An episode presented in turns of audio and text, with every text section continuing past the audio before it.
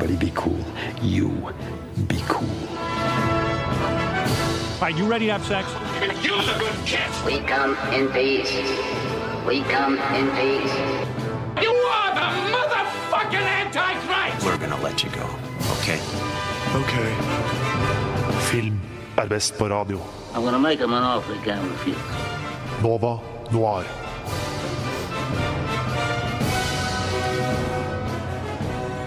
Hallo, hallo, hallo og god morgen. I dag hører du på Nova Noir, Radio Novas flaggskip filmprogram. Jeg er verten deres i dag, Carl Aksel Lyby, og med meg har jeg Kim Sverre Hilton.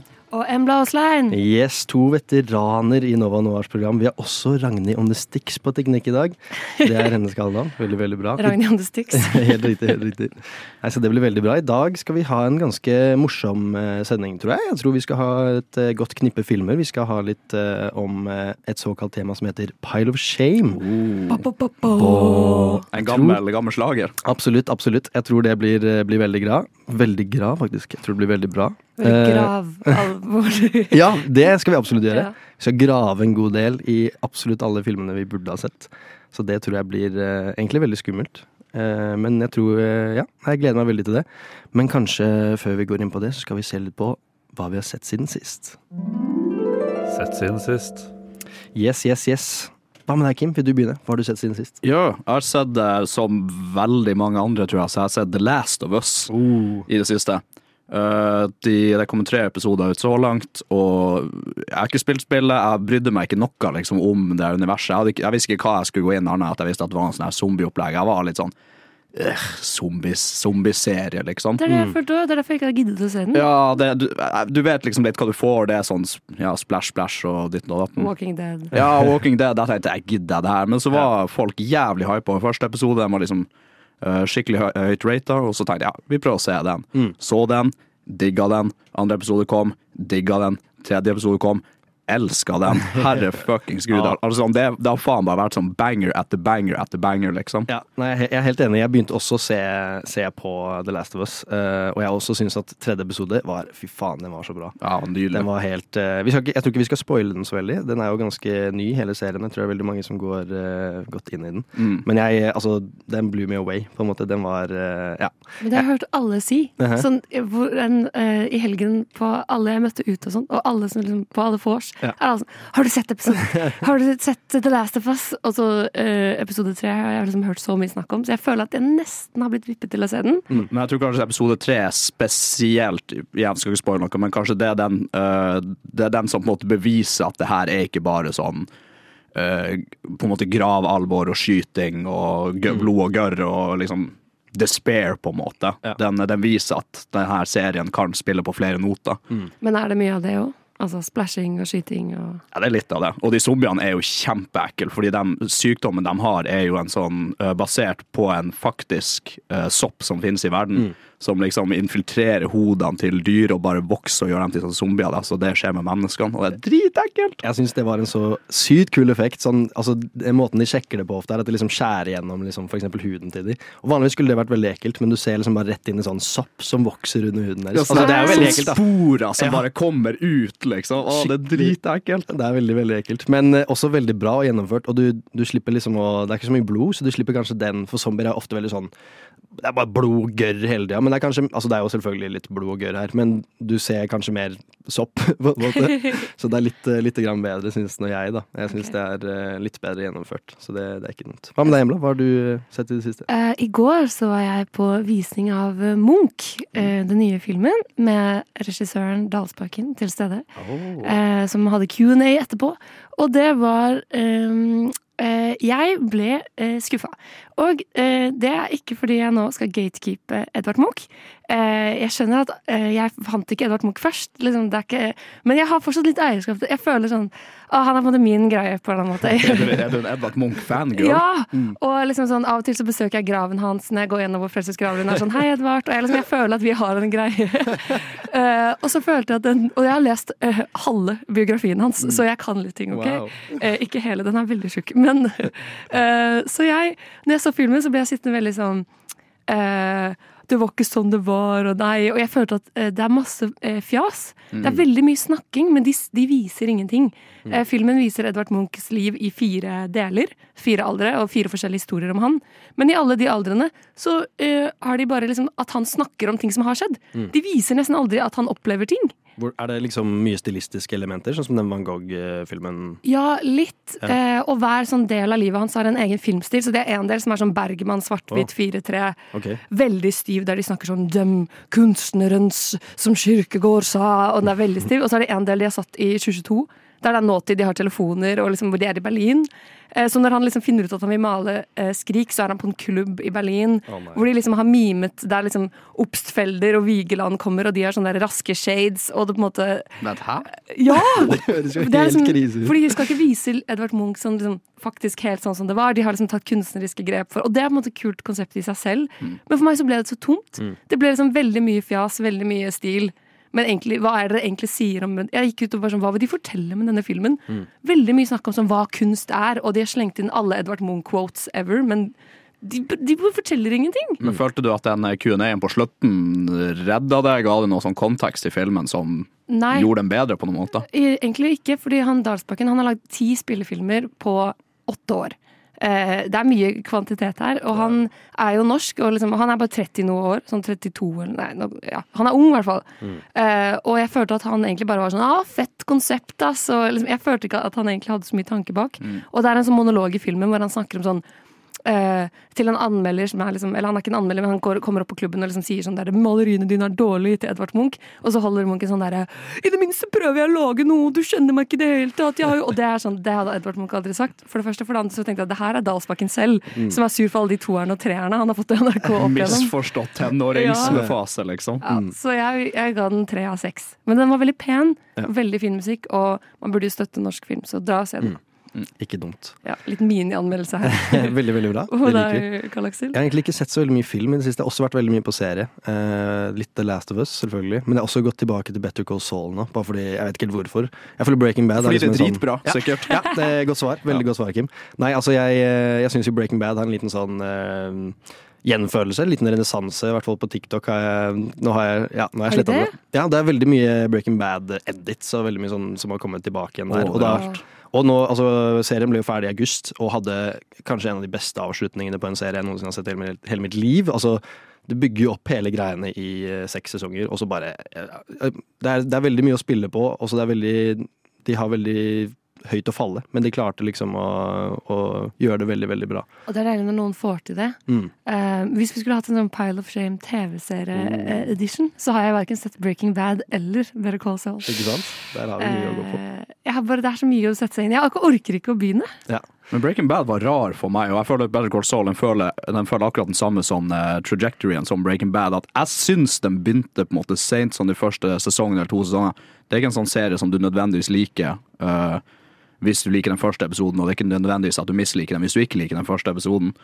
Uh, og jeg tror det er derfor det er mange som ikke har sett Breaking Bad, at det er folk er så splitta på det. Fordi det er den, du må investere litt tid i det. Ja, det er jo ganske lange, ganske lange serier og, og mye å sette seg inn i. Og det er jo ganske Ja.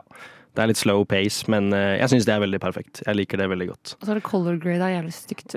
Bare, Ja. legge det til. Det, det kan jeg si meg enig i, egentlig. Men, men det er mye bra vi har sett i, i det siste, egentlig. Jeg Ja. syns det. Så da kan vi gå litt videre.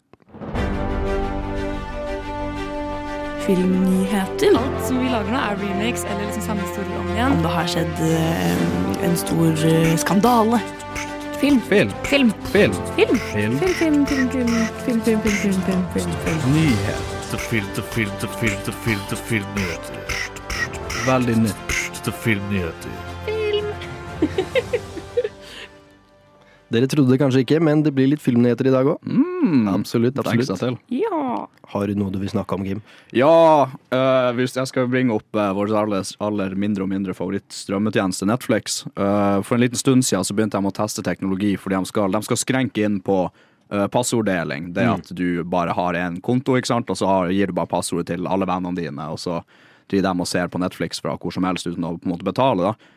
Eh, og nå skal de slå skikkelig ned på det. De har testa noe teknologi rundt omkring i diverse land i måneds tid eller to nå, fra typ før jul. Eh, og i går så eh, kunne thestreamable.com rapportere at Netflix via sitt eget hjelpesenter hadde kommet ut med detaljer om hva det innebærer. da. Hva er det de skal gjøre? Og det de skal gjøre, er at brukerne de må koble til Altså de må logge inn på Netflix og se på Netflix primært via eh, eller med, via liksom primærnettverket deres. Så Netflix skjønner liksom hva som er hjemmenettet ditt.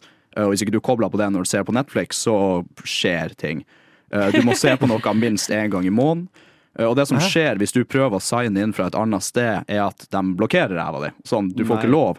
Eh, Men de har jo workaround til det, og det er at du kan få en sånn link hvis du er ute og reiser. eller noe, Så kan du liksom forespørre en sånn link som varer i syv dager, og da får du tilgang til kontoen din, og så kommer du inn, eller uansett. Så tungvint. Det er kjemperart. Uh, og, men uh, etter at det her da kom ut, det er uvisst hvorfor de har endra på det, om de har fått masse drit fra brukere etter at det her ble rapportert, men nå har de uh, ikke backtracka, men de har omdefinert det til å si at de kommer ikke til å blokke deg, de kommer bare til å forespørre en verifikasjon, så de kommer til å be deg verifisere deg sjøl, og hvordan du da skal gjøre det. Uh, det vet jeg ikke, fordi tydeligvis så må du jo Den eneste måten du verifiserer deg på, er jo enten med den koden, da, eller med at du er på hjemmenettet. Men har man ikke lov til å dele Netflix? De har jo til og med lagt inn så man kan ha flere kontoer på en konto. Ja, for det de gjør nå, er at uh, tanken med det var at du skulle ha flere kontoer sant, innenfor et hushold. De, Ja, ja, Det var ikke ment at det på en måte skulle gå utafor uh, de fire veggene av hjemmet ditt. Uh, men de har vært behjelpelige nok til å gi deg en, uh, et, til å lage et verktøy da, som sier at hvis, hvis du da Embla, sant, bruker Netflixen min, uh, og uh, hvis vi liksom hadde bodd i samme hus, da, så kan du da uh, konvertere den profilen din til en profil i mitt hushold, eller noe sånt. Så de, de kan, du kan liksom ta den historikken da og bytte den over. Så rart. Ja.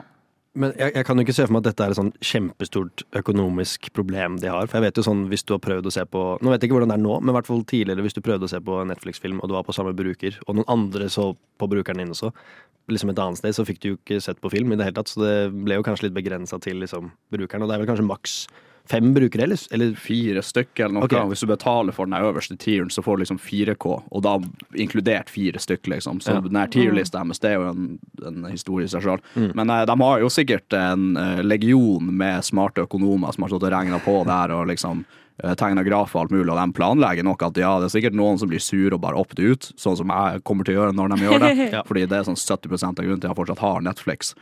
Men vi har Eh, nesten ingenting lenger. HBO har jo tatt alle seriene Ja. som har Netflix-serier. sorry. Ja. Nei, jeg, syns også Viaplay har vært, på, vært skikkelig på ballen i det siste. Ja. Alle, alle filmene som vi skal snakke litt om, mer om etterpå, de har jeg sett på Viaplay. Absolutt alle sammen. Mm. Utenom eh, den ene som jeg så på kino, da. Men eh, ja. Det er sant, de har alt. Og Disney Pluss. Mm. Eh, men vi må også snakke litt om eh, Oscar-utdelingen, eh, som er nå om en måned. Jaha. Eh, det er jo kjempestas. Eh, vi er jo, eh, jeg og Ina i redaksjonen er kanskje de største Oscar-nerdsa i Mm. redaksjonen. Vi har jo Definitivt. sitter og døgner og Så jeg føler at det er litt frustrerende vi er sånn Hørte dere dette? Oi, herregud, nå ble jeg nesten litt rørt. Og så er dere sånn Ha, jeg har ikke fått med meg denne kontroversen. Eller sånn. Det er jo så mye behind the scenes, kontroverser, ting. Og liksom sånn Ha, denne ble nominert, men det har jo vært hype rundt denne, og ja. Eh, Det er på en måte et helt spill, da. Og vi skal ha en Oscarsending rett før Oscar-utdelingen, så da kan vi gå mer i dybden. Følg med, følg med. Følg med, følg med. Men det vi kunne snakket litt om nå, er jo kanskje kontroversen rundt Jeg syns navnet hennes er utrolig Sier man Andrea Riceborough? Det er hun fra Mandy. Jeg går for det. Jeg kan Vi stille går- meg, vi tar det. jeg kan stille meg bak det. Ja, vi prøver det. Hun ble plutselig nominert til beste kvinnelige skuespiller Mm. for en film ingen har sett. Mm. Eh, to uker før så hadde det på en måte Hun var, ikke, hun var vel shortlista, det er det mange som er. Altså sånn nominert til å kunne bli nominert, men Mm. hun var sånn Altså, Ingen trodde hun skulle få en nominasjon. Ingen har sett filmen. Hun, det var To Leslie. Den har ikke gjort det særlig bra på kino. Ikke nominert i noen andre kategorier. Plutselig, ikke sant, aldri hørt om. Plutselig får hun en nominasjon. Så her var det litt sånn oi, her må vi etterforske, for her har det skjedd noe rart. Så Oscar-utdelingen har gått inn og etterforsket dette.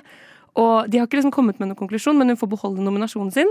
Men det de tror har skjedd, eller man ser har skjedd, er at hun har drevet hardcore lobbyvirksomhet. Om at hun har fått alle kjendisvennene sine, blant annet sånn Gwyneth Paltrow og liksom eh, masse supercelebs, til å ha eh, visninger hjemme hos seg og promotere henne til andre kjendiser, sånn at hun har blitt nominert. Ja, fordi Academy, dem som på en måte nominerer, det Ja. er jo en samling av folk som er i bransjen, ikke Ja. det? Så typ skuespillere, regissører og Yes. tidligere regissører og sånn. Så de som nominerer skuespiller, er jo skuespillere. Eh, og da, de er jo ofte kjendiser og henger på kjendisfester, så her har noen kanskje blitt litt influenced. Mm. Eh, så det er jo spennende å se hvordan på en måte sosiale medier nå kommer til å påvirke sånne ting. da. Jeg, jeg så jo også, Hun må jo ha hatt et vanvittig nettverk. Det var jo sånn Edward Ja. Norton og Kate Blanchett og alt mulig la ut på Instagram. Nei, Kate Blanchett sa det jo til og med i Talen sin! Ja, talen da hun eh, fikk pris for Tar. Jeg føler det er en konspirasjon Det her. er, det er ganske sjukt. Kate Blanchett vinner en pris for Tar og shout-outer at folk skal stemme Eller at Andrea er så god. Eh, hvor mye penger har Kate? Hva er det Andrea har på Kate Blanchett? Ja, er- You don't find that suspicious? det er kjemperart. Det er noe vi må grave opp her. Absolutt. Eh, ja, men og, også eh, liker jeg Paul Schrader, eh, som har skrevet Taxi Driver, jeg sitter og tweeter Eller Facebooker, faktisk. Han sitter og har sånn sure Han er sånn derre She's got my vote. Go ahead, investigate me. Til og med fått boomerang på sin side. Absolutt. Veldig, veldig dramatisk. Ja, det blir spennende å følge Oscar-løpet videre i mars. Absolutt. Det må dere absolutt gjøre. Absolutt gjøre, så det er bare å følge med.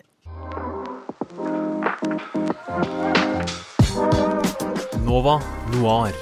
Film på radio. Hver torsdag 10 til 12, eller i din podkast-app når som helst.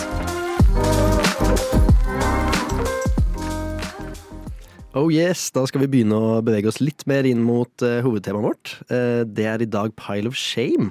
Og hva handler det egentlig om, Embla? Nei, altså, Vi alle har jo noen skjeletter i skapet, og for en liten filmredaksjon for oss, så er det de filmene du ikke har sett. Men som du virkelig, virkelig burde ha sett. uh, du vet når du bare nikker med på, på vors.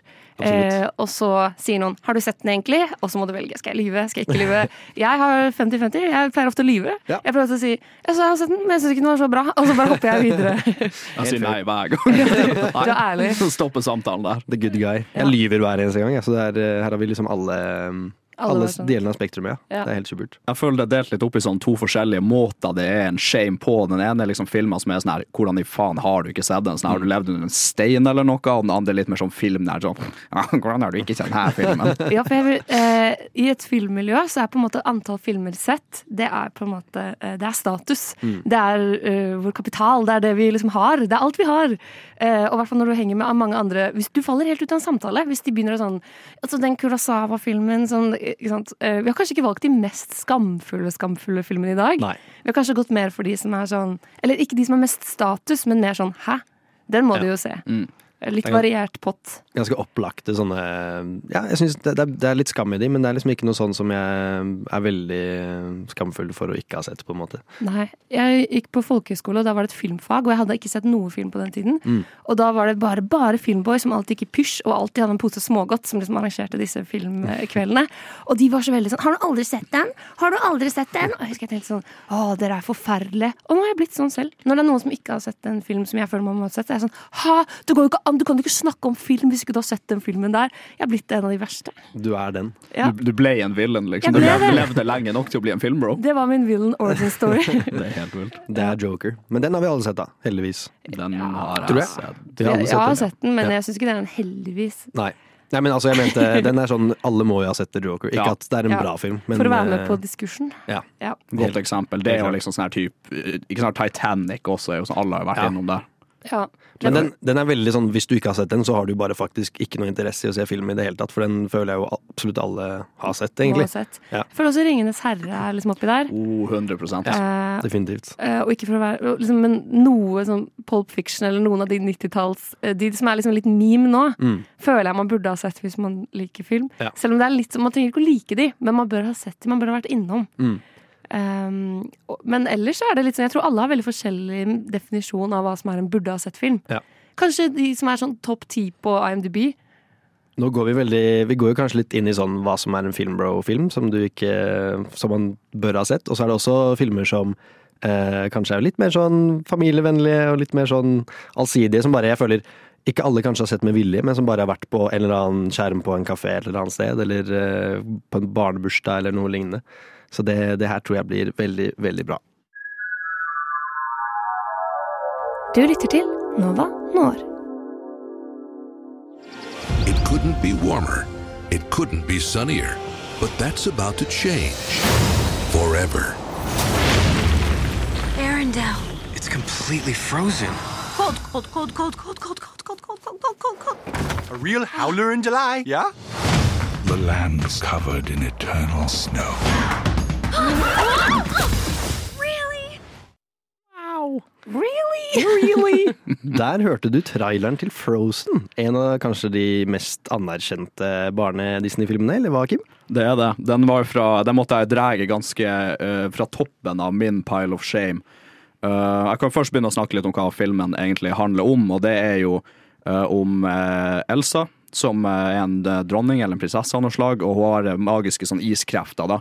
Eh, og så når hun er barn, så klarer hun å skade lillesøstera si Anna, eh, som gjør at hun isolerer seg sjøl og er redd for å bruke kreftene sine. Eh, men så skjer det noe når hun har sin coming of age-fest, som gjør at hun eh, Coming of age-fest? Ja, er det sånn er det slang for bursdag, eller? Coming of age. De kalte det for noe. Nå liksom ja. blir Det myndig. eh, Å ja, ja, konfirm- ok, ok. Jeg tror det Mm. Ja. Uh, uansett, det skjer i hvert fall en ulykke da som gjør at hun liksom uh, rømmer fra uh, uh, Arendelle, hjembyen hennes, da, og le- i, med uhell ilegger hele byen i sne og is. Uh, og så prøver da Anna å uh, vinne søstera si tilbake. Uh, og det er en film som kom ut i 2013. Den har jo vært over fuckings art. Som sagt, den var liksom høyt oppe på Pile of Shame-lista mi, fordi den, den er jo bare Du kan ikke gå noe sted uten å høre Let It Go. ikke sant? Alle har sett den. Så det var dags. Uh, og jeg noterte meg noen ord om hva jeg tenkte om filmen. Sånn initielle tanker, egentlig. Altså på en måte fordommer, nesten. da. Ja, bare sånn jeg satte meg ned og tenkte ok, hva tror jeg jeg liksom skal se nå? Uh, og jeg skrev filmen har hjemsøkt meg siden den kom ut, og jeg har ingen peiling på hva plott det er. Uh, det at jeg ikke har hørt en eneste spoiler engang, antyder at det er et lite plott å spoile, men jeg forventer Disney-magi, sjarm og bra musikk, uh, og at jeg får hørt Let It Go sånn som den burde høres. Så jeg er litt sånn Jada, fordi alle sammen er så glad i Disney-filmer, og jeg var det da jeg var kid, men så har jeg ikke noe særlig forhold til da jeg var voksen, så jeg tenkte ja, jeg blir bare en sånn Disney-film, på en måte. Mm.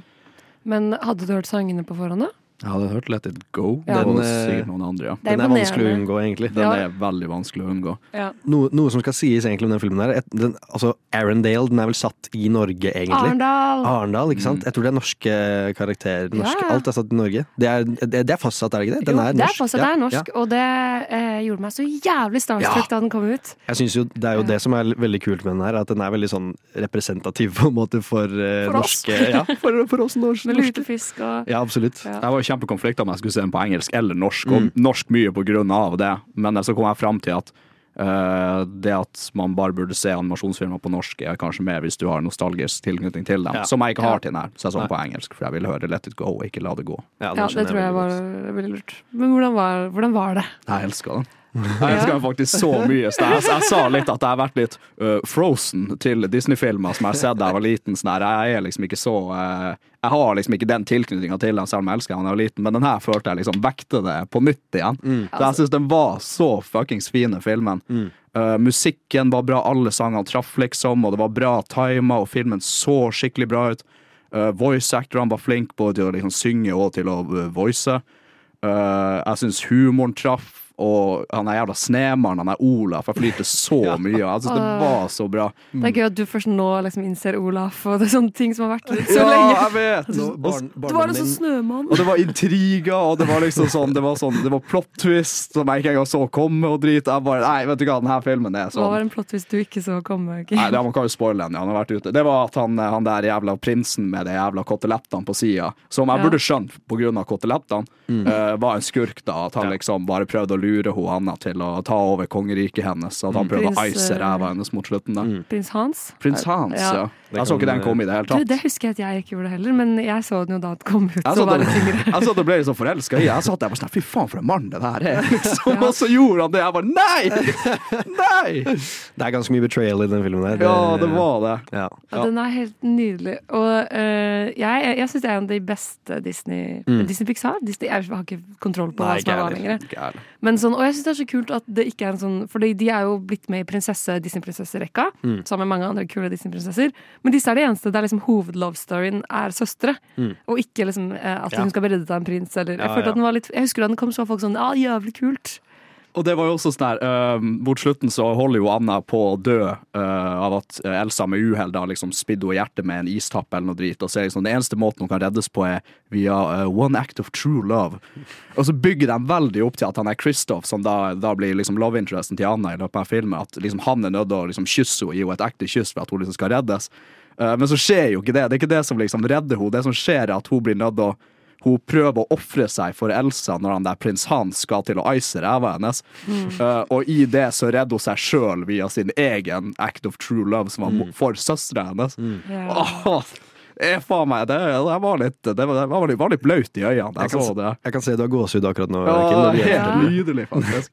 Det er, det er jo også Frozen 2, eh, som du nå også få se. Er den Er det bra? toer? Har du ikke?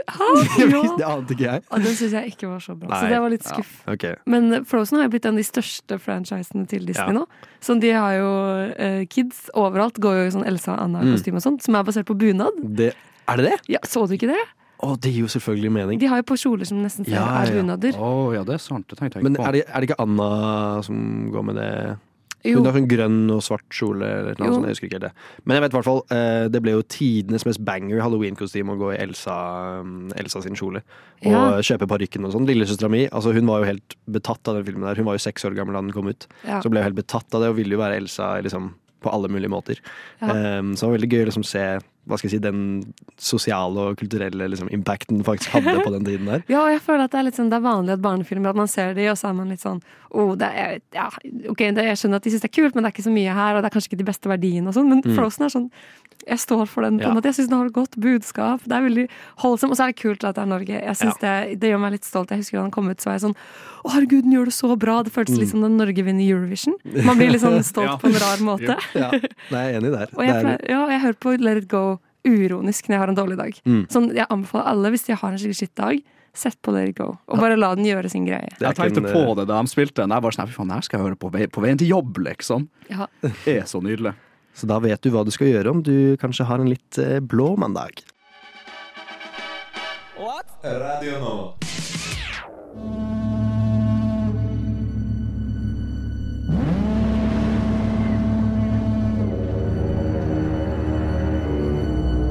Tell me, what's a timberman want with being a wiki? Just looking to earn a living, just like any man. Starting new. On the run.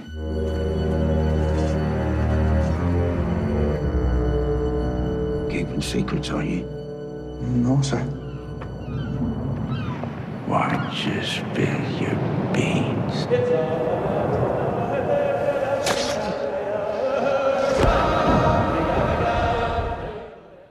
Why you spill your beans? Åh, The Lighthouse 2019 av Robert Eggers. Wow.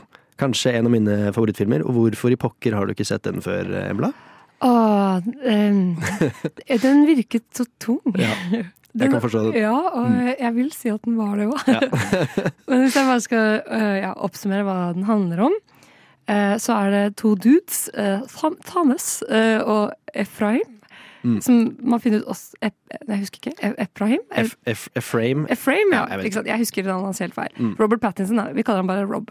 Um, de skal uh, være som fyrvoktere på en øde øy midt ute i havet uh, i fire uker. Og gjøre hard labor. Men han Thomas, som er liksom bossen, vil ikke la Rob komme opp i fyrtårnet. Så det er litt mystikk rundt hvorfor det, og hva er det der oppe. Men når båten ikke kommer for å hente dem fordi det kommer en stor storm, så blir de stuck der i Vi aner ikke hvor lenge. Det kan Mm. være år, det kan være timer. Eh, kanskje ikke timer, men ja. De blir stuck på denne øya. da. Og så handler det egentlig bare om masse rar, eh, rare samtaler og weird stemning som skjer mellom dem på den øya. Det er litt sånn spooky. Det er skutt i svart-hvitt, det er 4-3. Mm. Det er veldig stilistisk. Det, Mm. er veldig sånn, det føles ut som en gammel film, men den er ikke det. Ja. Eh, og før jeg så filmen, så noterte jeg eh, fire stikkord på hva jeg trodde jeg kom til å se, og som også var grunnen til at jeg ikke gadd å se den da den var på kino. Eh, jeg har skrevet pretensiøs, Mm. skummel, guttastemning. Hva handler den egentlig om? Check, check, check, check. ja, og all, alle de fire stemmer som bare faen. Og jeg syns jo den var kul, Mm. og hadde noen veldig sånn eh, funky deler. Men fy fader, første halvtimen Jeg satt og holdt på å sovne. Mm. Eh, Jeg måtte ta en liten pause, fordi den var så treig. Ja. Det er bare Robert Pattinson som driver og bærer kull. uh, mens han snakker om sånn. Og de snakker så rart. Jeg skal si noe at uh, uh, akkurat det der med at den er litt treig i starten, synes jeg Det gikk helt fint for min del, for jeg bare syns det er så vakkert å se på. Jeg Ja. synes den har veldig tatt den der, det ordtaket 'every frame of painting'. Tatt vir, vir, altså den det quotet veldig realist, altså rett på. Ja. Eh, fordi jeg syns hvert eneste bilde i den filmen her kunne jo liksom vært, vært en film. Ja. I hvert fall, altså, Når liksom akt to og akt tre og sånn kommer, så er den jo bare Den blir bare mer vakker og vakker eh, for, ja, for hvert minutt som går, syns nå jeg. Jeg oppfatter han heller ikke sånn som veldig treg i starten. Jeg tror det er mye fordi de, de legger bare sånne små hint til hva som blir å skje. Altså små hint til galskapen til han Defoe Mm. eller uh, Robert Pattinson. Det er jo uvisst. Ja. Bad luck to kill a seabird. Ja? Og det er jo en veldig klassisk sånn eh, skrekkfilmoppskrift. Ja. Du skal, de kaller det jo sånn der Innen de første ti minuttene så må du få the warning, og så må du se personen gjøre the warning. Og det er Mm. for eksempel i veldig mange filmer sånn ikke gå inn der, eller ikke Ja. gå på loftet, og så gjør du det. Ja. Og for oss så er det at Robert Pattinson da dreper denne måken i brutalt vis. Eh, Jeg fordi lo han- så mye. Det var, det var så jævlig ut av intet, og det var så sykt voldsomt og brutalt plutselig. Jeg Ja. daua da jeg så det. Men liksom, bare sånn ekkelt. Alt var veldig sånn ekkelt, og musikken er kjempeslitsom. Etter hvert så begynner du å bli litt gæren av den musikken òg, for det høres Ja. som en sånn båthorn som tuter gjennom hele filmen. Veldig bra håndverk, men ikke et univers jeg likte å være i det Nei. hele tatt. Nei, det er jeg enig i. Det er veldig, veldig ukomfortabelt å sitte og se på, egentlig. Men ja, eh, jeg, jeg hadde det skikkelig fælt, og Ja. jeg så den sånn i går kveld. Mm. Sånn at jeg er kjempetrøtt i dag, og jeg hadde mareritt om den. Og det var sånn, det er skikkelig ekkelt. Jeg, at du har det som favorittfilm, tror jeg nesten ikke på. det er helt sant. Er helt sant. Jo, jeg syns det bare er eh, Men det skal her gir deg jo ikke glede. Det, men jeg vil ikke si at det er eh, kanskje min største, min største poeng med en favorittfilm. At jeg skal bli veldig glad av den. Jeg bare synes Det som gjør den absolutt til favoritten min, er at den er så sykt sånn stilistisk, og at det er så mye kule sånne frames og sånn. I hvert fall det med Jeg syns slutten, når han tar på selve Spoiler.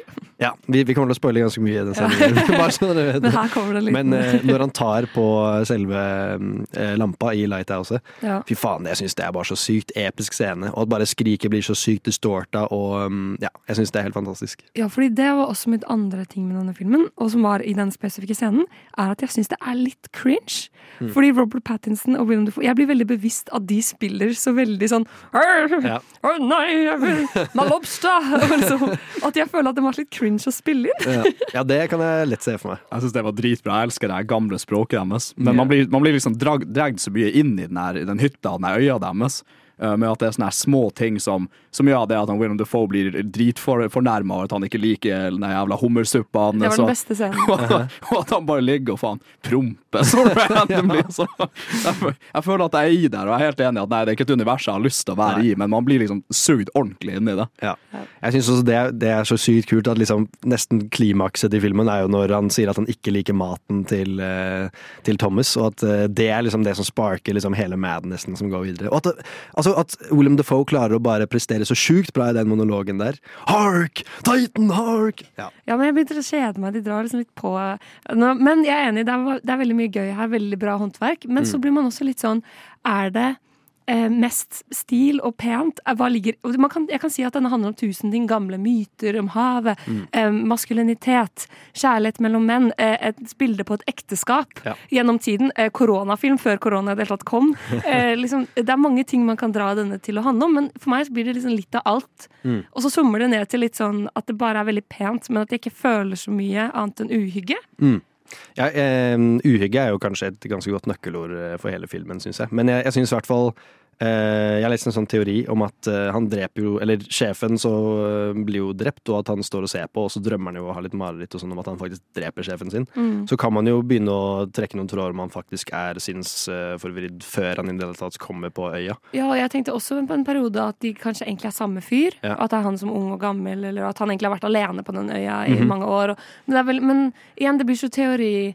Den teorien og den teorien. Og til slutt så er jeg sånn, er dette egentlig noe smart? Eller har du Mm. egentlig bare lagt inn litt sånn der, litt her og litt der, sånn at man kan tolke denne filmen alle veier? Jeg syns det er kanskje en veldig god effekt av den, at den er så åpen for uh, tolkning. I hvert fall, jeg syns det med slutten, at han når han først når uh, lampa, eller lykten i lykthuset, og han uh, eller fyrhuset, og han tar på den, og han Mm. blir da, Det er kanskje det som sparker liksom madnessen hans sånn ordentlig. Han er liksom transcenda. Men jeg, det er en teori om at det er også at all den kunnskapen som kanskje er i lystårnet, at det ikke finnes i det hele tatt, og at han tar på den, og at det er derfor han blir helt gal.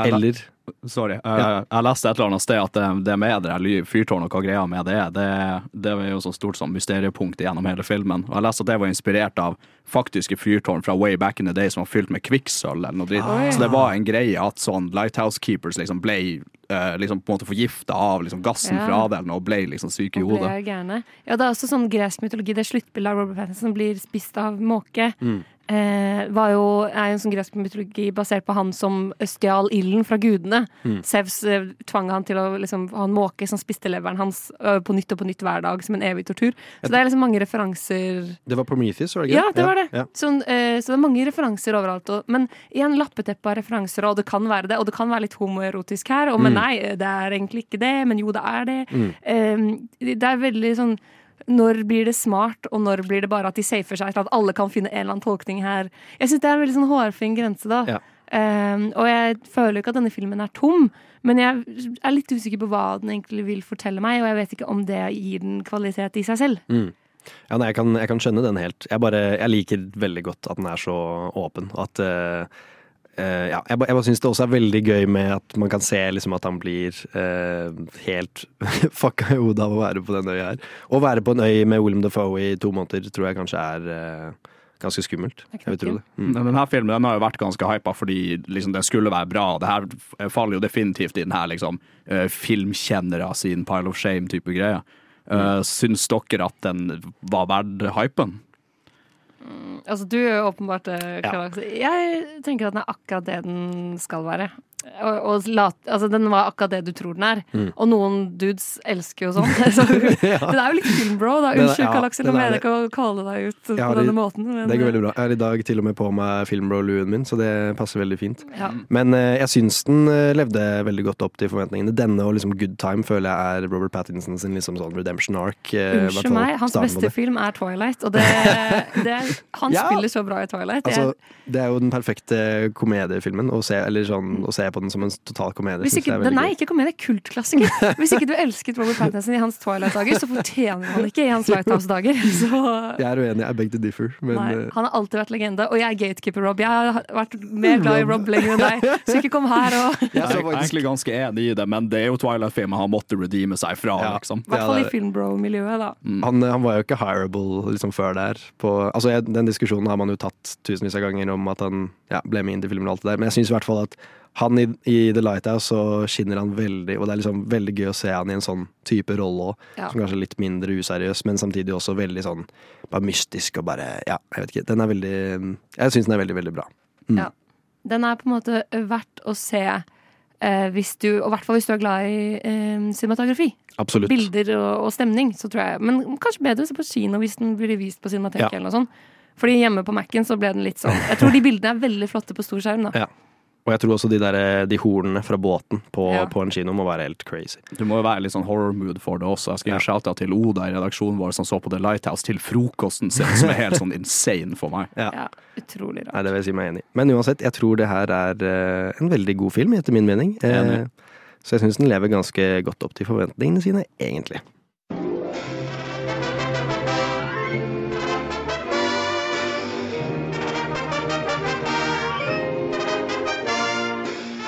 Du lytter til Nova Noir hver torsdag 10-12 eller på podkast når du vil.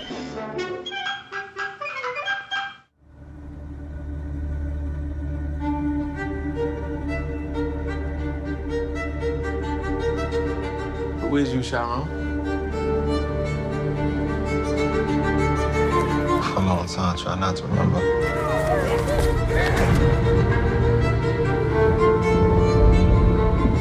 Try to all those times.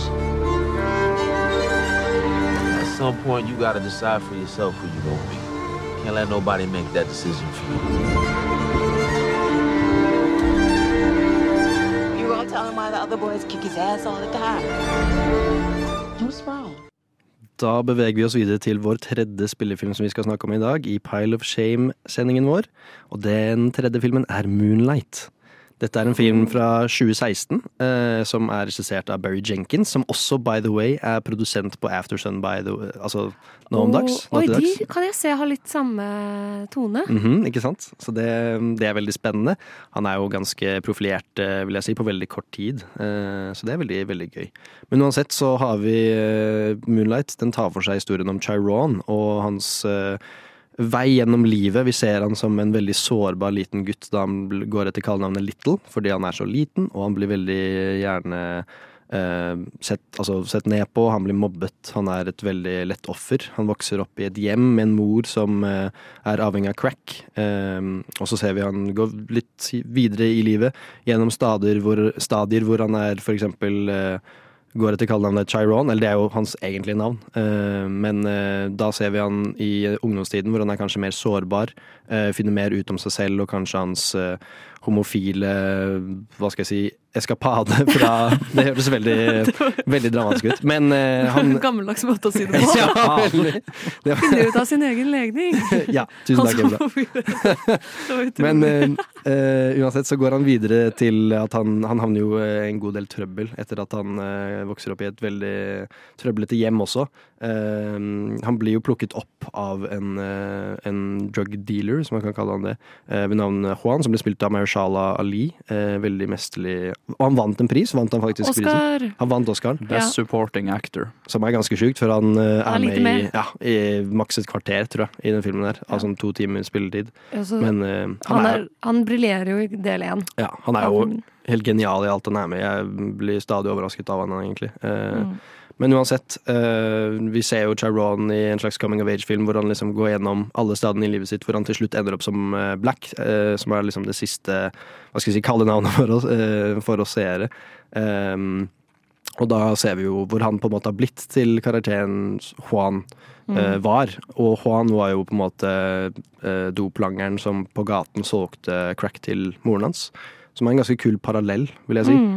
Eh, jeg syns det er veldig gøy at han på en måte blir til den personen som Altså i en sånn eh, tematisk stil eh, sørger for at moren hans havner i den posisjonen som Ja, At han klarte ikke å måte fra sin egen skjebne. da. Ja. Han, ble, han bare fulgte det mønsteret som han egentlig ikke ville bli. Ja, og det er litt rart at han altså, Eller ikke rart, men det er, jeg syns det er veldig kult eh, sånn tematisk igjen at han blir liksom til farsfiguren sin, som er en doplanger som lager dop til moren sin. Det er liksom Farsfiguren som frarobba han morsrolla, Ja. som gjorde at han Mm. trengte en farsfigur. veldig Ja. kompleks eh, Ja, veldig, veldig kompleks sånn eh, karakterutvikling. Veldig kult. Ja.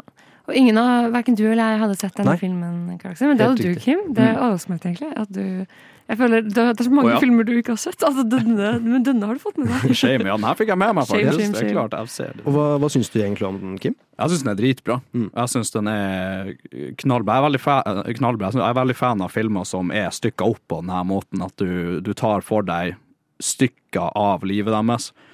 Uh, jeg syns den ja, jeg vet ikke, den, den, den er liksom bygga bra, den er veldig sammenhengende. Så Mahershala Ali, vi var inne på det, han var jo on fire rundt det. så alt han rørte i, ble jo til gull. Uh, og denne filmen var jo allerede gull, da. Uh, bra karakterer, og så er så mye lag til. Uh, nei, det er, det er digger denne filmen. Mm, Og hva slags eh, forventninger hadde du til filmen, Emla? jeg har skrevet eh, tre ord.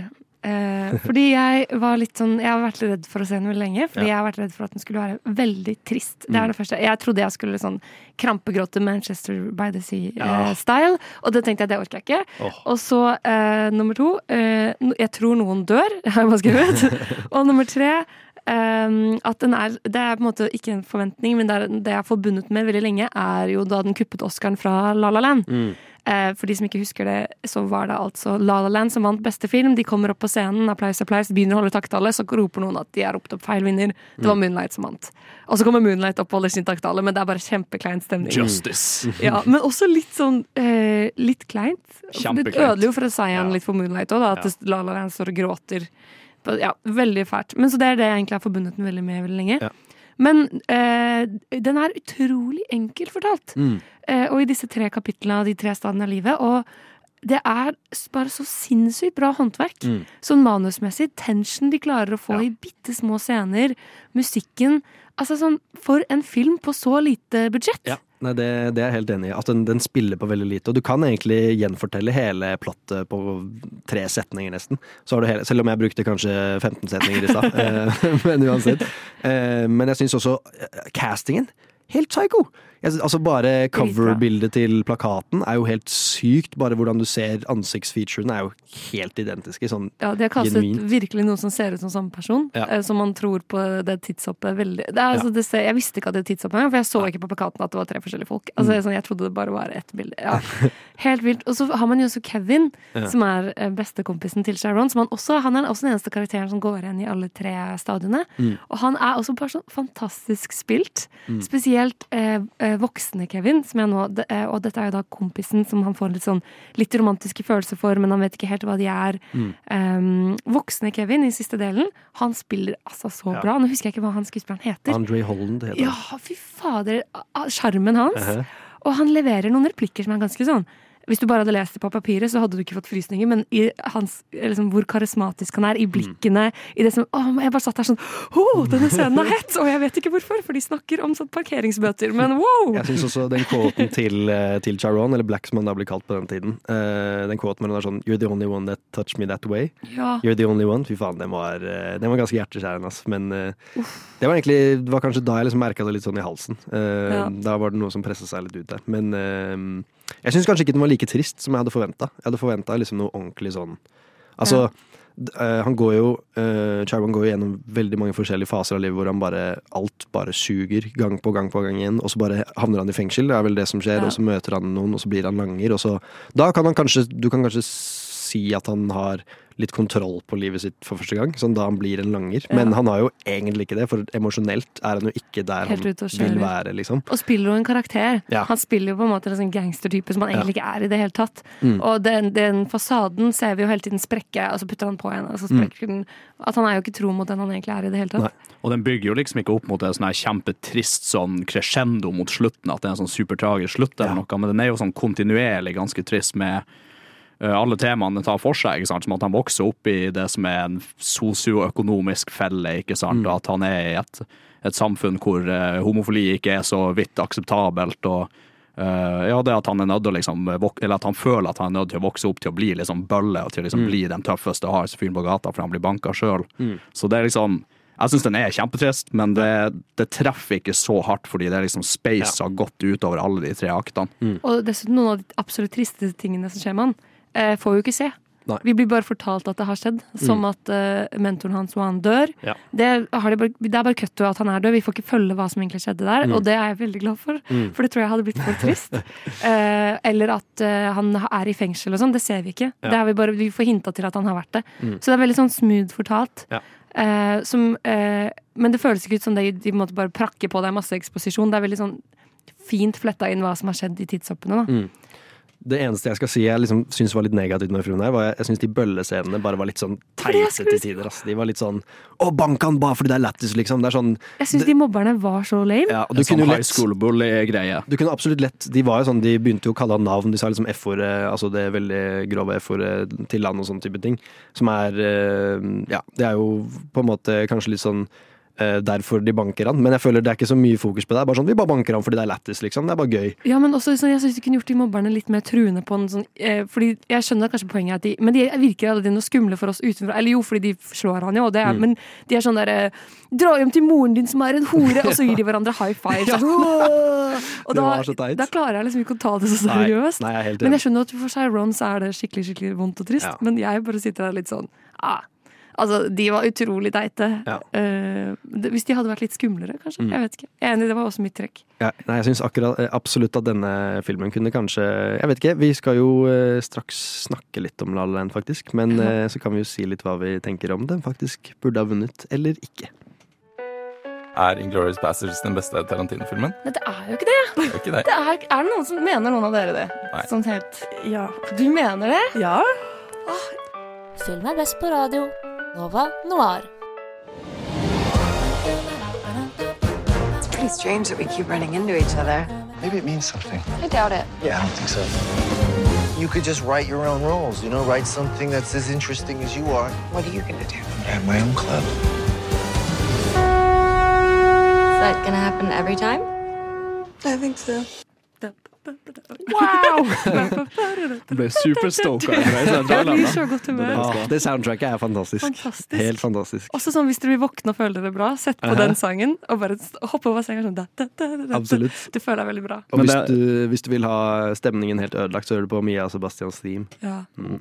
Nei, nei, Sebastian? Jo. Jo, det er Sebastian. riktig, riktig. Sebastian. Men det her er nå i hvert fall eh, kjære lytter, har sikkert gjetta til at det er La La Land vi skal snakke om nå. Eh, og det er en veldig enkelt og greit plott på den. Eh, det handler om eh, to personer, Mia og Sebastian, eh, spilt av eh, respektivt Emma Stone og Ryan Gosling, som Uh, bor i LA og prøver å uh, De finner hverandre mens de søker etter drømmene sine. Hun uh, drømmer om å bli en skuespiller, og han drømmer om å åpne en jazzklubb. Eh, som oppbevarer jazztradisjonen sånn som han ser den. Mm. Eh, og vi hadde jo ikke sett Det her er en felles pile of shame, Karl Aksel. Absolutt. Absolutt. Ikke meg. Ikke deg. Ikke meg. Jeg vil, jeg vil ha meg fraskrevet dette. Du har sett den som bare rakkeren, du. Som bare rakkeren. Jeg Mm. elsker La La Land. Ja.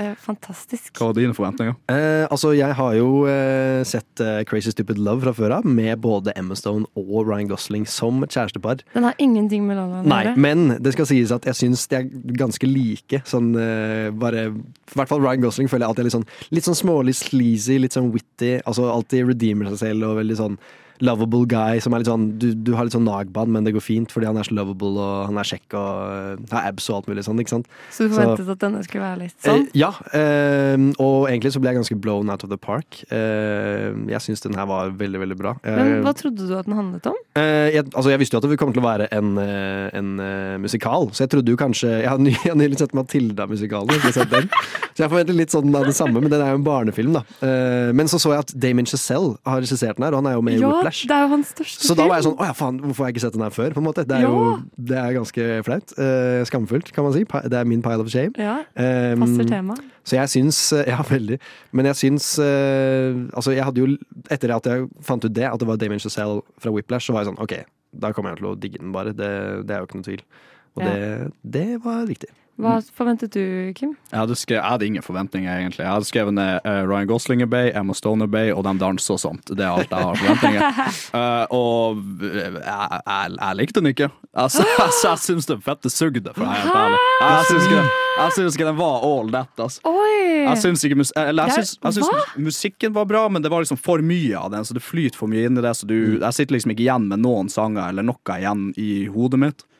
Uh, den, jeg syns bare plottet var tynt. Jeg syns ikke det var noe som skjedde i denne filmen. De brukte altfor lang tid til å bygge dem opp og bygge opp den her, flørtefasen deres. Eh, og ja, jeg vet ikke. Det, bare, det var bare for mye. Altså, det var to timer med bløtkake, liksom. Jeg er veldig glad i bløtkake, så det, jeg syns det var veldig, veldig greit, egentlig. Jeg er litt sånn uenig. Jeg syns eh, jeg syns den- så- Ja, jeg, altså det jeg skrev, sånn, eh, noen av de første sånn, punktene jeg skrev da jeg så den, sånn eh, 30-40 minutter inn, var sånn wow, pacingen her er jo helt fantastisk. Sånn, jeg synes Det er veldig gøy at de begynner med at det er sånn felles eh, At de danser på highwayen der, og så går de ut av bilen, og så gjør det Emma Stone eller Mia kjøre med bilen sin, og så går henne- henne- hennes dag, og så møter hun eh, da Sebastian eller Ryan Gosling, og så etter det så ser du hans dag, og så ser du det samme, og så møtes de igjen etterpå, så spiller han piano på den baren. Eh, og eh, det er jo sånn frampekt til slutten, da. Eller det blir jo Ja. Men uansett, når, han, når han, hun møter han i baren, og han liksom bare støter borti og er sånn 'Jeg vil ikke prate med deg engang'. Veldig sånn kul karakterbeskrivelse. Sånn Du bare vet hva slags fyr han er, på en måte. Men eh, ja, nei, jeg syns det var Jeg syns pacingen var veldig fin, og at eh, ja. Enig. Og den er så utrolig fargerik og vakker, og sangene Mm. Altså Hele universet er jo veldig sånn romantisk for Hollywood. Og Damien Mm. Chazelle lagde jo nå Babylon, for de som har vært og sett den på kino. Og den er jo mye mer sånn kritisk til Hollywood, men den her er jo veldig sånn utrolig romantiserende. Ja. Eh, men jeg, jeg leser ikke denne filmen som en kjærlighetshistorie i det hele tatt. Jeg er ikke så interessert i deres forhold. Jeg heier på det, men for meg er dette en film om drømmer, og liksom om hva om må ha, og jeg tror alle, alle jeg kjenner som også elsker den, er folk som sånn Jeg vil jo bli manusforfatter og liksom har en drøm, og jeg vet at Lucas, som også det er hans favorittfilm, han vil bli regissør. Mm. Så jeg tror det er veldig, den appellerer veldig til folk som har sånn drømmer de tror litt de egentlig ikke kommer til å nå. Mm. Og kanskje det egentlig er det som gjør at man digger den mer enn liksom filmkvalitet. At det er liksom øh, Det er jo litt samme med Whiplash. At det handler liksom om det der, hvor mye du er villig til å ofre for å nå en Ja. drøm. Og jeg blir bare veldig rørt. Og, mm. og når hun har sånn teaterstykke og ingen kommer, og det er så sårt! Ja.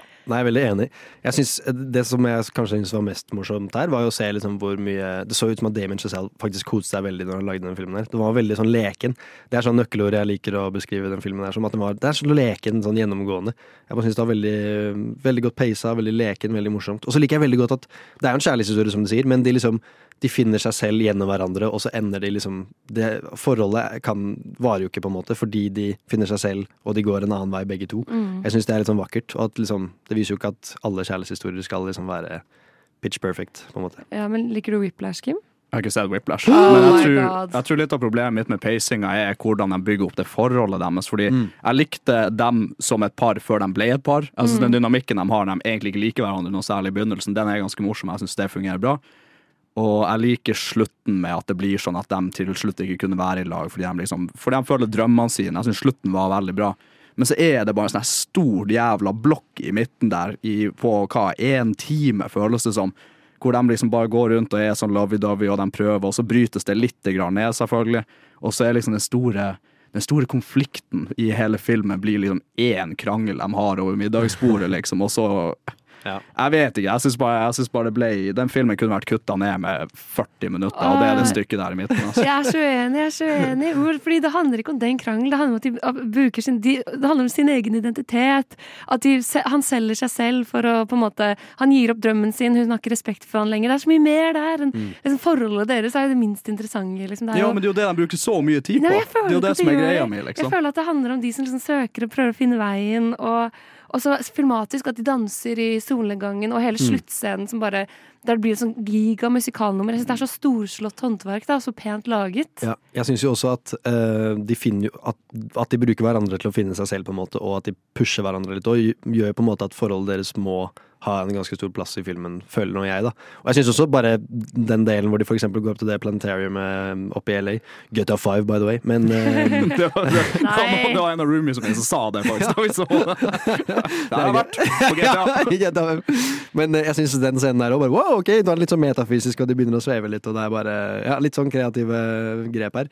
Jeg syns det var eh, Jeg synes det var en veldig fin sånn Litt sånn VFX-glipp der, syns jeg. Det var litt sånn litt rough til tider. Når det var oppe i Planetarium og de liksom begynte å sveve og sånn, syns jeg så litt sånn choppy ut. Men eh, annet enn det syns jeg det var bare en skikkelig koselig og veldig hyggelig film, egentlig. Men jeg så denne på kino da den kom ut, og det var en Mm. veldig bra kinofilm. Og, ehm, og da husker jeg at jeg eh, ble veldig sint av slutten og eh, kranglet med kjæresten min på vei hjem.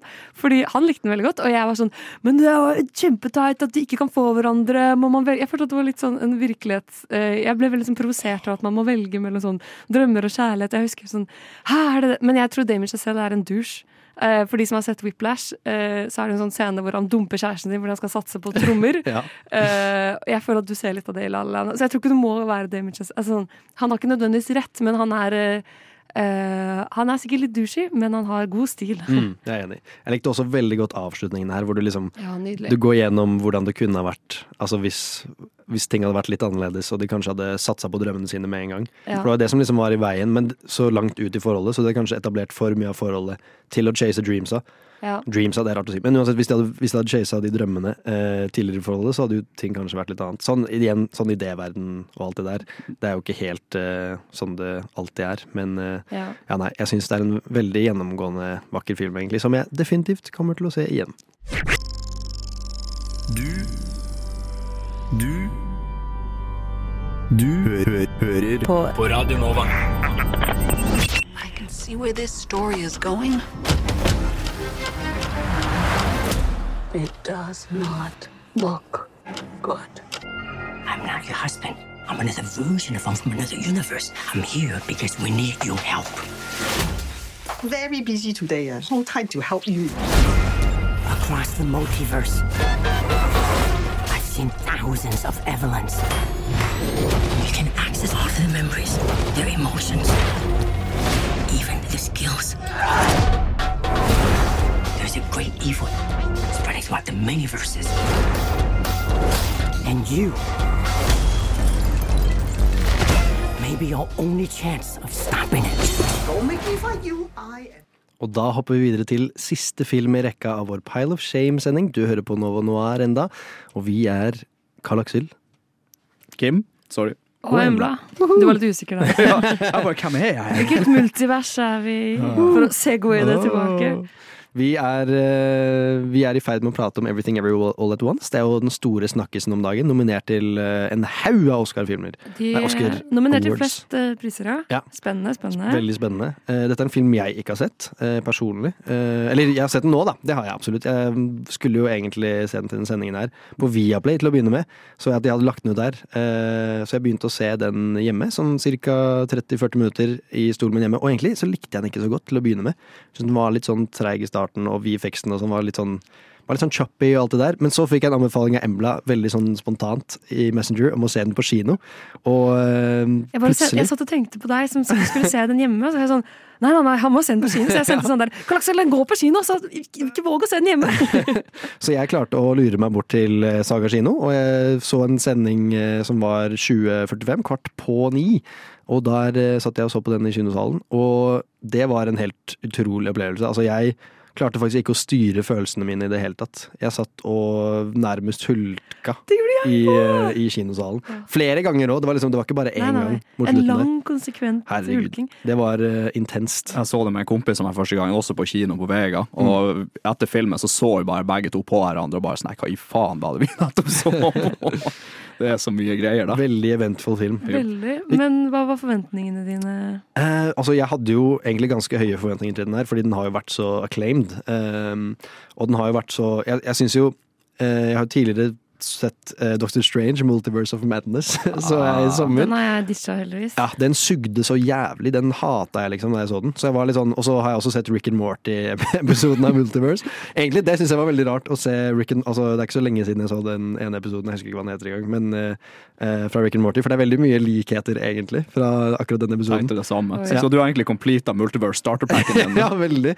Men jeg det er jo én klar vinner, det er jo helt klart. Um, men kan du gå litt innom hva filmen handler om, egentlig. Jeg vil jo tro de fleste vet det, men vi kan jo kort si litt om den. Eh, det handler jo egentlig om Evelyn, som eh, da er en eh, kinesisk-amerikansk innvandrer som flyttet vekk fra Kina fra sin familie, og egentlig ble disowned av faren sin. Så det er veldig mye familieproblemer som er gjennomgående i denne filmen her. Hun er jo da gift med Waymond, hvor de har en datter som heter Joy, og de driver et felles vaskeri sammen. som da er en ganske viktig del i historien her, egentlig. Veldig mye som skjer i, i i, den, i dette vaskeriet.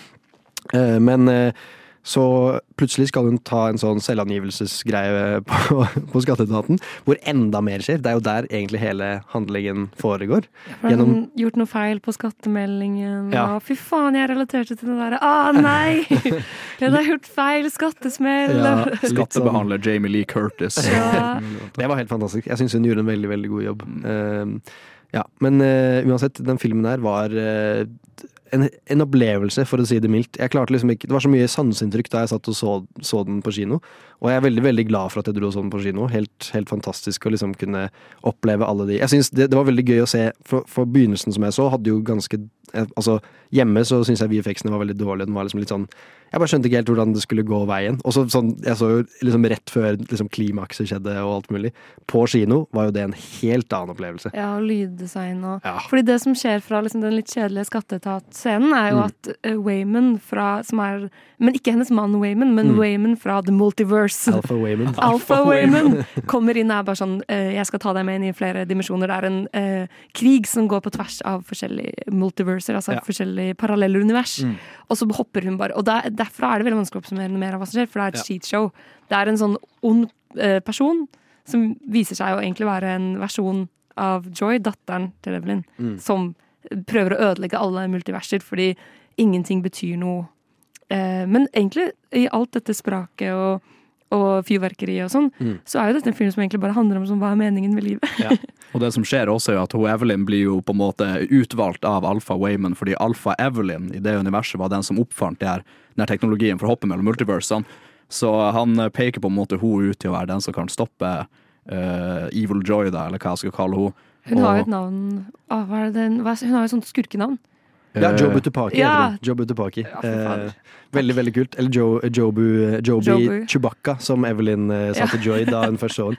Det, det er også det som er veldig gøy med den her, at de spiller veldig på det med den uvissheten som alle andre har til liksom, multiverse, at de ikke helt vet hva som skjer. Og det er veldig mye morsomme liksom, interaksjoner hun har med familien sin og alle andre i, i showet. Jeg syns det er veldig, veldig gøy. Og en ting som er sånn insane morsomt å bare gå gjennom hele filmen, er at mekanismen for at hun skal kunne øh, bytte på en måte personligheter mellom multiversene, er at hun må gjøre noe som er statistisk sett usannsynlig, uten at jeg skal prøve å forklare matematisk hvordan det fungerer. Men det åpner liksom opp for at hun bare er i en situasjon hvor noen prøver å skyte henne, eller noe, så kan hun bare plutselig finne på å kaste en dildo i ansiktet på dem, og så plutselig så swapper hun, og så er hun sånn kung fu Evelyn, eller noe sånt. Ja, og det er sånn noe jeg i utgangspunktet på papiret syns er litt, eh, litt for quirky. Litt teit. Det er sånn at de skal ha pølsefingre, eller de skal liksom um, Hun må begynne å steppe i en skytesekvens, eller Men jeg kjøpte det her. Jeg koste meg med det her. Jeg eh, jeg, når folk snakker om det folk snakker om at de ikke likte filmen, så er det veldig mye det. De, de sier sånn, det er ikke min form for humor. Og, Mm. Men jeg syns den humoren bare var liksom litt bonus i noe som egentlig er en veldig rørende fortelling. Mm. Uh, hvis det er mening. De klarer å gjøre Altså jeg syns jo veldig mange sånn multiverse-universer, så prøver de jo liksom å lage de mest sånn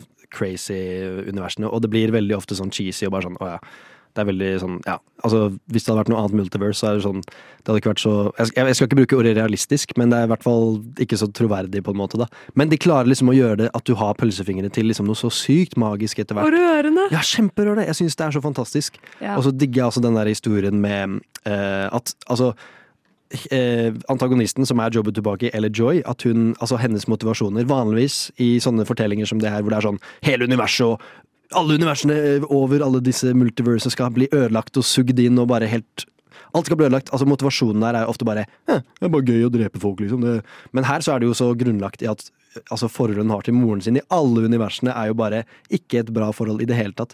Men så eh, liksom nøkkelen til, hva skal jeg si, å eh, eh, få Joy til liksom, Eller Jobbe tilbake, da, til å bli kanskje Joy, eller til å på en måte danne det forholdet til moren sin, er at hun faktisk må gjøre innsatsen, som hun ikke har gjort i noen andre universer. Mm. Som er kjempeknusende, og det fikk meg til å bare grine som et helvete i kinoen. Det var helt psycho. Ja, samme. Og det der med at hun liksom hun tenker på å, i ett univers så er jeg liksom Kill Bill, og i ett univers er jeg superstjerne, men jeg valgte, endte opp i dette universet hvor jeg holder på med et vaskeri som nesten går konkurs, som aldri var drømmen min.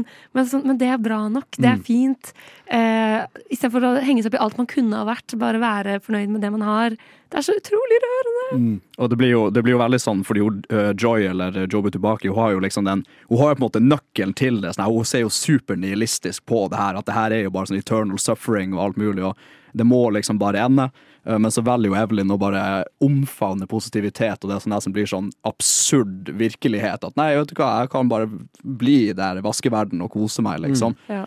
Eh, som er en sykt fin konklusjon til filmen, syns jeg. Enig. Jeg syns den, den rapper seg opp sånn helt perfekt. Det var eh, i hvert fall det med at det er jo kanskje litt sånn, Når man tenker tilbake på det, så er det litt sånn opplagt at det enkleste universet er liksom det som er det fineste. Ja, men det er Eh, gjort så pent. Ja, jeg syns det er så fantastisk. I Ja. hvert fall Det er så gøy også med det, liksom det ideelle universet hvor hun er filmstjerne og sånn òg. Ja. Den quoten som jeg føler alle har quota. Ja. Men den er så vakker! Jeg, begynte å, altså, jeg hadde jo hørt den kjempemye før jeg så filmen i det hele tatt. Men jeg klarte ikke å eh, liksom beholde følelsene mine på plass. Hadde Nå må liksom, du levere kvoten Ok. med innlevelse.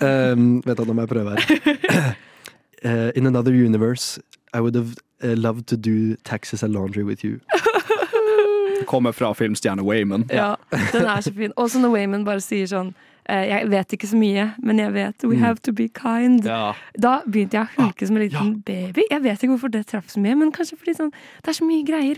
Kan vi bare være litt snille? Noe jeg, noe jeg definitivt kom ut ifra med den filmen, der var at jeg må finne meg en Wayman å ha i livet mitt. Det Ja. er og, altså, Waymond og liksom Shorty fra Indiana Jones. Jeg savna han så skikkelig, og det var veldig flott å se denne filmen der. Og han er liksom tidenes kar! Tidenes kar! Jeg må, også, jeg må også nominere en scene til over sånn her tearjerker-scene, og det er når Uh, når hun snakker til dattera si, og de begge to er i sånn steinunivers, hvor begge to Ja. bare er Ja. fucking steiner, og det er just, de kan ikke snakke, for de er steiner, ikke sant? Men man ser bare sånn teksten, de bare snakker Ja. over tekst til hverandre i gode tre-fire minutter, eller Ja. noe, og det er liksom det bygger opp til liksom, det er liksom klimakset på hvordan de, de skal løse opp mellom seg. Ja. Jeg syns det var helt utrolig vakkert. Det var også kanskje da jeg gråt hardest, når liksom steinene falt. Ja. Og liksom, eller det var egentlig det var jo det som starta liksom, si, At alle disse delene av universet på en måte skjønte at uh, alt alt betyr noe. Eller, fordi Ja. det var jo det som var liksom problemet til Jobbet tilbake, eller liksom Mm. motivasjonen. At det er ingenting som betyr noe. Ingenting betyr noe Mm. tristfjes. Og så kommer Mm. Evelyn og er sånn, men ingenting betyr noe smilefjes. Sem- Konklusjonen er det samme. Du bare endrer holdningen din til den. Absolutt. Eh, nei, skikkelig magisk film. Nå har vi virkelig, virkelig runket den, da. Og jeg vet at mange er litt lei av denne filmen og syns det var litt Mm. kjedelig at den vant, eller ikke vant ennå, bank i bordet, men Mm. at den har blitt nominert til så mange Oscar-priser. Mm. Men jeg føler at dette er det perfekte bildet på en sånn en kommersiell film, Mm. som er veldig enkel, men som også har kvalitet. Ja. Og originalitet. Og originalitet. Nei, jeg syns det er eh, definitivt en av Jeg kan definitivt forstå at den eh, har så mange nominasjoner. Og Nova Noir stemte den også til den Ja. beste filmen som Ja. kom i fjor. Mm. Eh, så til og med Nova Noir klarte å være enig om at dette var en bra film. Ja, jeg tror definitivt vi kunne prate om den filmen her i flere timer. Jeg syns den er så vakkert. Men vi skal bevege oss litt grann videre.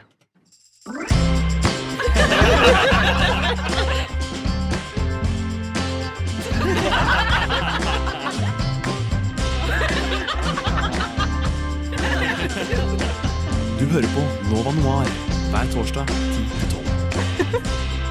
Hver torsdag 10 til 12. Oh yes, da begynner vi å jazze oss litt inn mot slutten her. Men uh, før vi kanskje tar en liten sånn oppsummerende del, så kan vi jo uh, kanskje prate litt om hva vi kanskje ellers burde ha prøvd om. En honorable mentions, kanskje. Det er jo kanskje en uh, god idé. For vi har mange flere skjeletter i skapet. Absolutt. Definitivt. Mye å ta. Bunken, bunken er tjukk, ja. Ja. veldig. Jeg skammer meg veldig mye, faktisk. Mm. Mm. Har du noen filmer du har lyst til å ta opp, Emla? Uff, ja. Jeg synes en av de eh, rareste eh, er at dere ikke Og det husker jeg ikke om bare er Kim, eller om det er deg også, Karl Aksel, men at dere ikke har sett Leon. Åh, Leon the Professional. Den så jeg for kjempelenge siden, så jeg husker basically ingenting. Det er så rart, for det er, sånn, det er et veldig vanlig halloween-kostyme. Mm. Sånn, da, da skjønner dere bare ikke det. Det er veldig vanlig å sitere fra. Det er Natalie Portman sin liksom, start. Mm. Den har jo blitt sett på som litt problematisk ettertid, men det er liksom en sånn der, det, er, det var en av mine første møter med liksom, film. Jeg så den samtidig som jeg så Taxi Driver. Det er veldig rart å liksom ikke Jeg føler ikke at det her er som man må ha sett Jo, Leon er det. Er Mer enn Frozen. Frozen. Jeg har heller ikke sett Taxi Driver, så jeg Jeg har heller ikke sett Taxi Driver. Ok, Ikke for å være den personen, Men men, det- er faktisk helt sjukt. Men jeg har også sett Joker, så det går fint. Nei, nei, Men, nei. eh, Oi, det her jeg der er, outa dere. jeg er veldig lett eh, påvirkelig, så jeg ville ikke se Taxi Driver for å få noen ideer eller noe sånt. Jeg synes det ja, Men det er faktisk sånn Det kan dere ikke si til noen filmbros. Nei, ja, altså, jeg, jeg lyver bare med en gang. Det, Ja, det er problem. Ja, her, her sitter vi og sier det til det veldige land og alle, Ja, alle- alle lytterne våre. Og så at dere ikke har sett eh, Dead Poet Society. Det er så mange referanser. Ja. Eh, Seize the Day, Oh Captain My Captain. Eh, Men- dere, dere, dere kan jo ingenting. Det er til og med en hel episode i Community som handler om den. Den den. meg faktisk over. Ja. Det må jeg si. Men jeg er, ikke, jeg er ikke klar for å anerkjenne at Robin Williams har gått bort ennå, så jeg liksom prøver å unngå alle filmene hans. For jeg blir så følelsesladd av det der. Ja. Så det går ikke. Jeg har, eh, jeg har en annen film som jeg syns er litt skuffende at du ikke har sett, Embla. Okay. The Thing. Nei. Jo. Har ikke sett den. Ja, altså, ja, jeg skal, men den Nå, ble jeg, nå er jeg skikkelig filmbro. Ja, The Thing. Hvordan, hva var den igjen? Det er, det, de er i Antarktis, og så er det det monsteret eller uh, alienet som eh, er i magen deres og sånn. Den har ikke jeg heller sett. Nei, ok. Vår tidligere medlem Wow. Tage uh, var veldig på at jeg skulle se den nå. Så jeg Ja. har lovet han å se den, så den skal jeg se veldig snart. Men den har jeg aldri hørt noen andre nevne. Så jeg føler ikke at den er sånn som Taxi Driver og Leon en- og Dead Poets. Jeg er litt uenig der, for jeg føler The Thing er veldig sånn filmbro Altså, Den er jo veldig sånn gammel, og du, du ser det jo veldig på den, men liksom, jeg tror det er veldig mye bruk av praktiske effekter som gjør at veldig mange filmbros er veldig sånn Det er en god circle jerk rundt den, da, føler jeg, da. Nja, Jeg har sett den, men det er ikke en av mine favoritter, definitivt. Men uh, Definitivt ikke. Men uh, jeg syns den er bra, da. Men uh, ja. Men jeg føler ikke at den er på samme nivå. Nei. Eh, og så stemmer det at du ikke har sett Spirited Away? Eh, Altså Shihiro og heksene? jeg, jeg, skal, jeg skal ta deg et steg videre. Jeg har ikke sett en eneste Studio Ghibli-film. Ikke en eneste en, faktisk. Men da, da, vet du akkurat, da vet du akkurat hvor du kan begynne. da Jeg ikke Spirited er kjempelett å se på. Jeg har ikke sett den, jeg har ikke sett den der Min nabo Totoro. Jeg, bare sånn uansett Studio Ghibli-film. Jeg i House Moving Castle. Nå Ja. gråter Anna i Brussel. Gjennom mine mange år i denne redaksjonen her, så har jeg, så har jeg vært gjennom utallige Studio Ghibli-samtaler. Mm. Og jeg har bare opta ut av alle sammen og bare gått i sånn smile and wave-modus. Hver eneste gang. Det er letteste å si er at det bare er sjukt digg mat innen, og det er sånn ja, ja, det, det Maten er er så sykt bra tegna. Ja, det er Det si fin alle. animasjon, og historien er liksom Så jeg bare, jeg bare sier ja til alt, egentlig. Fordi alle sammen elsker dem jo, så det er veldig lett å bare være agreeable på den filmen. Det er ingen som har ferska meg Fram til nå, faktisk. Ja. Det er en, verdens, eh, en verdenssensasjon. Vi må burde også nevne at vi finner dette fordi vi driver og uh, creeper i hverandres letterboxd. Og der kan vi se på watchlisten hva noen ikke har sett. Mhm. Og jeg ser også nå at du ikke har sett Lost in Translation, Kim. Nei, men det har vært på watchlista mi. Ja, jeg ser jo det. Jeg er på watchlisten din. det er jo Han prøver å redeeme seg selv, men Ja, det, det går I alle disse er på Det er jo helt sinnssykt. Det er faktisk dårlig Og gjort jeg å ser at grave du, du har ikke sett noen. Alle eh, mine fire favorittfilmer er på din watchlist. Og det er- Lost in Translation, Eternal Sunshine, Frances Åh. Ha og eh, Marie Antoinette. Har du ikke sett Eternal Sunshine heller? Nei. Den er helt fantastisk. Har du, eh, man må nesten ha en ekskjæreste da, føler jeg, for å se den. Hvis ikke så er det veldig Ah, Kim har en ekskjæreste. Har du det? Mm. Er, det Ah, veldig, er, det, er det dypt, liksom? Er det veldig det sitter, Typ han har lyst til å snakke litt om det på lufta.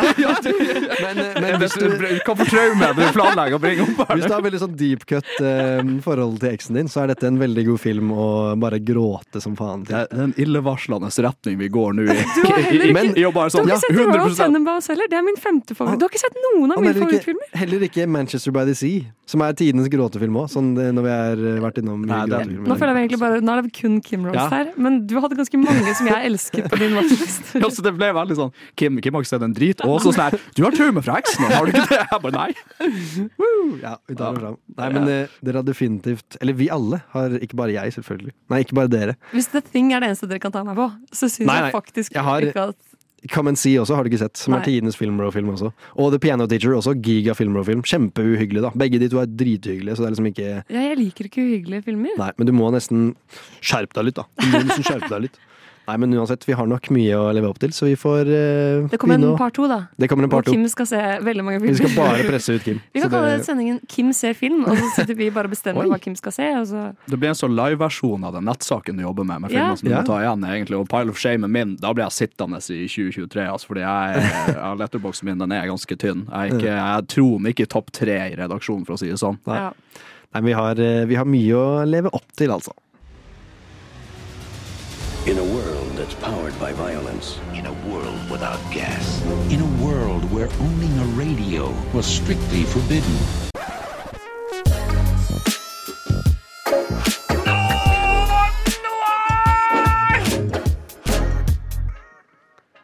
Yes, yes, yes. Da begynner vi å nærme oss eh, slutten, dere. Kim, Embla, har dere kost dere? Veldig. Koser meg veldig, veldig mye. Mm. Uh, Altfor mye, egentlig. Så nå er jeg skikkelig trøtt. jeg angrer på at jeg så The Lighthouse til, til sent på natt i går. Den kan jeg, jeg kan forstå den. Jeg hadde, ikke nok, jeg hadde nok ikke sett den rett før jeg hadde lagt meg. Det hadde jeg nok ikke. Jeg har også bare chugga i meg sånn sikkert fire-fem kopper kaffe i løpet av sendinga, så jeg bare sitter og dirrer. Ja, samme. Ja. Og så er jeg litt sjokkert over eh, filmer eh, Kim i kasset og Karl Aksel, du er kanskje bare bedre på å skjule det. Ja, Eh, jeg, jeg, har, jeg har bare prøvd å være litt, eh, litt sånn i skalkeskjul med meg. Det, det er helt, eh, helt riktig. Men det er en litt sånn ond si- For når noen sier sånn 'Har du ikke sett den til meg?' Så blir jeg sånn «Øh, øh». Men når det, jeg finner ut at dere er i kassetting, så blir jeg sånn «Æ, det, det Du blir det. Du har Det tar en- frem min verste situasjon Sånn når du sa nå at du ikke hadde sett Taxi Driver, Uh-huh. så blir jeg sånn «Eh, la, du, Jeg er er ikke så fan av den filmen engang, men du må ha sett den. Du har en jævlig høy hest akkurat nå, Emla. Ja, jeg Det- vet. Jeg det vet. Og det er, det er ikke bra for meg, egentlig. Du blir cocky. Ja, jeg blir kjempe, og jeg blir sånn ond. Jeg blir filmbro. Ja, veldig. Være på en sending som legger opp til at du skal shame folk. Ja, Mm. det er farlig spill. Ja. Uh, virkelig. Det er veldig, veldig farlig. Nei, men Skal vi kanskje oppsummere litt hva vi har sett? Hva vi syns? Kanskje om eh, forventningene sto til Mm. Ja, for vi begynte jo ganske høyt opp med Frozen, da. Ja. Gjorde det. Eh, den leverte jo for meg langt over forventning. Langt Mm. over forventning. Jeg hadde ikke trodd at jeg kom til å bli så uh, grepet og så glad i den filmen som Mm. jeg ble. Og den var sånn, jeg likte den så godt at jeg føler at det var sånn lightning in a bottle-greie. Så jeg er redd for å se Frozen 2, og jeg er redd for å se Frozen 1 igjen. Så jeg tror aldri jeg kommer til å se den igjen. Jeg tror jeg bare å liksom, jeg bare holder på det minnet jeg hadde av å se den i går. Det er veldig gøy at liksom barndomsnostalgien din for Frozen er når du er 26-27. 27 år Ja, gammel. 27 år ja. 20 år for seint. Ikke sant?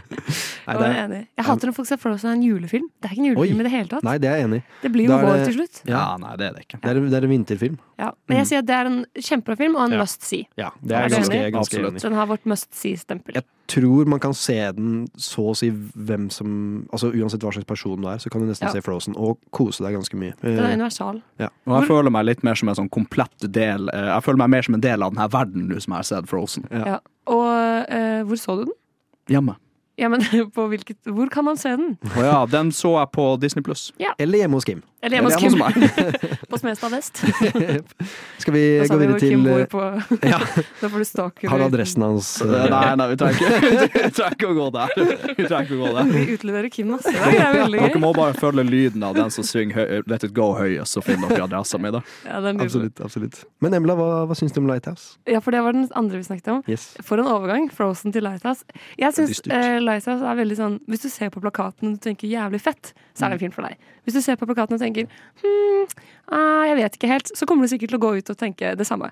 Uh, jeg kan anerkjenne at det er en god film, men uh, jeg liker liksom Det er ikke helt min smak. Nei. Og jeg føler det må også være lov i. Men Absolutt. Eh, og jeg føler ikke at det er så mange referanser jeg ikke har tatt heller, så du går ikke glipp av så mye ved å ikke se den. Mm. Så jeg vil si at det ikke er en must see, med mindre du allerede liker den type filmer. Det er, det er jeg veldig enig i, egentlig. Men jeg- altså, sånn som med Robert Pattinsons ark, og at han er så hva skal jeg, jeg holdt på å si essensiell, men at han er så stor i Hollywood akkurat nå, tror jeg er ganske Ja, men Det kan du finne ut med bare Batman òg. Du trenger ikke Ja. Lighthouse for ikke sant? Du Det er trenger sant, egentlig men- det for å følge Rob. Men jeg vil si at Batman eh, nå, Kan vi slutte å krangle? Men, eh, nei, jeg syns, eh, jeg syns altså veien til Batman er ganske viktig, og for Batman føler jeg er jo en storslagen film. Eh, slår skikkelig på stortromma der. Jeg liker også Lighthouse veldig mye, like med Karl Aksel. Jeg synes han kjemper en kjempebra film, men jeg klarer ikke helt å sette den i sånn her must see, på en måte. Jeg føler ikke at den er den, er liksom, den appellerer liksom ikke bredt nok til at alle i hele verden burde ha sett den. Og jeg synes ikke den, hvis du først skal ta fra bunken av sånn liksom filmbro-filmer, sånne her filmkjenner-filmer Mm. som man ser, så synes jeg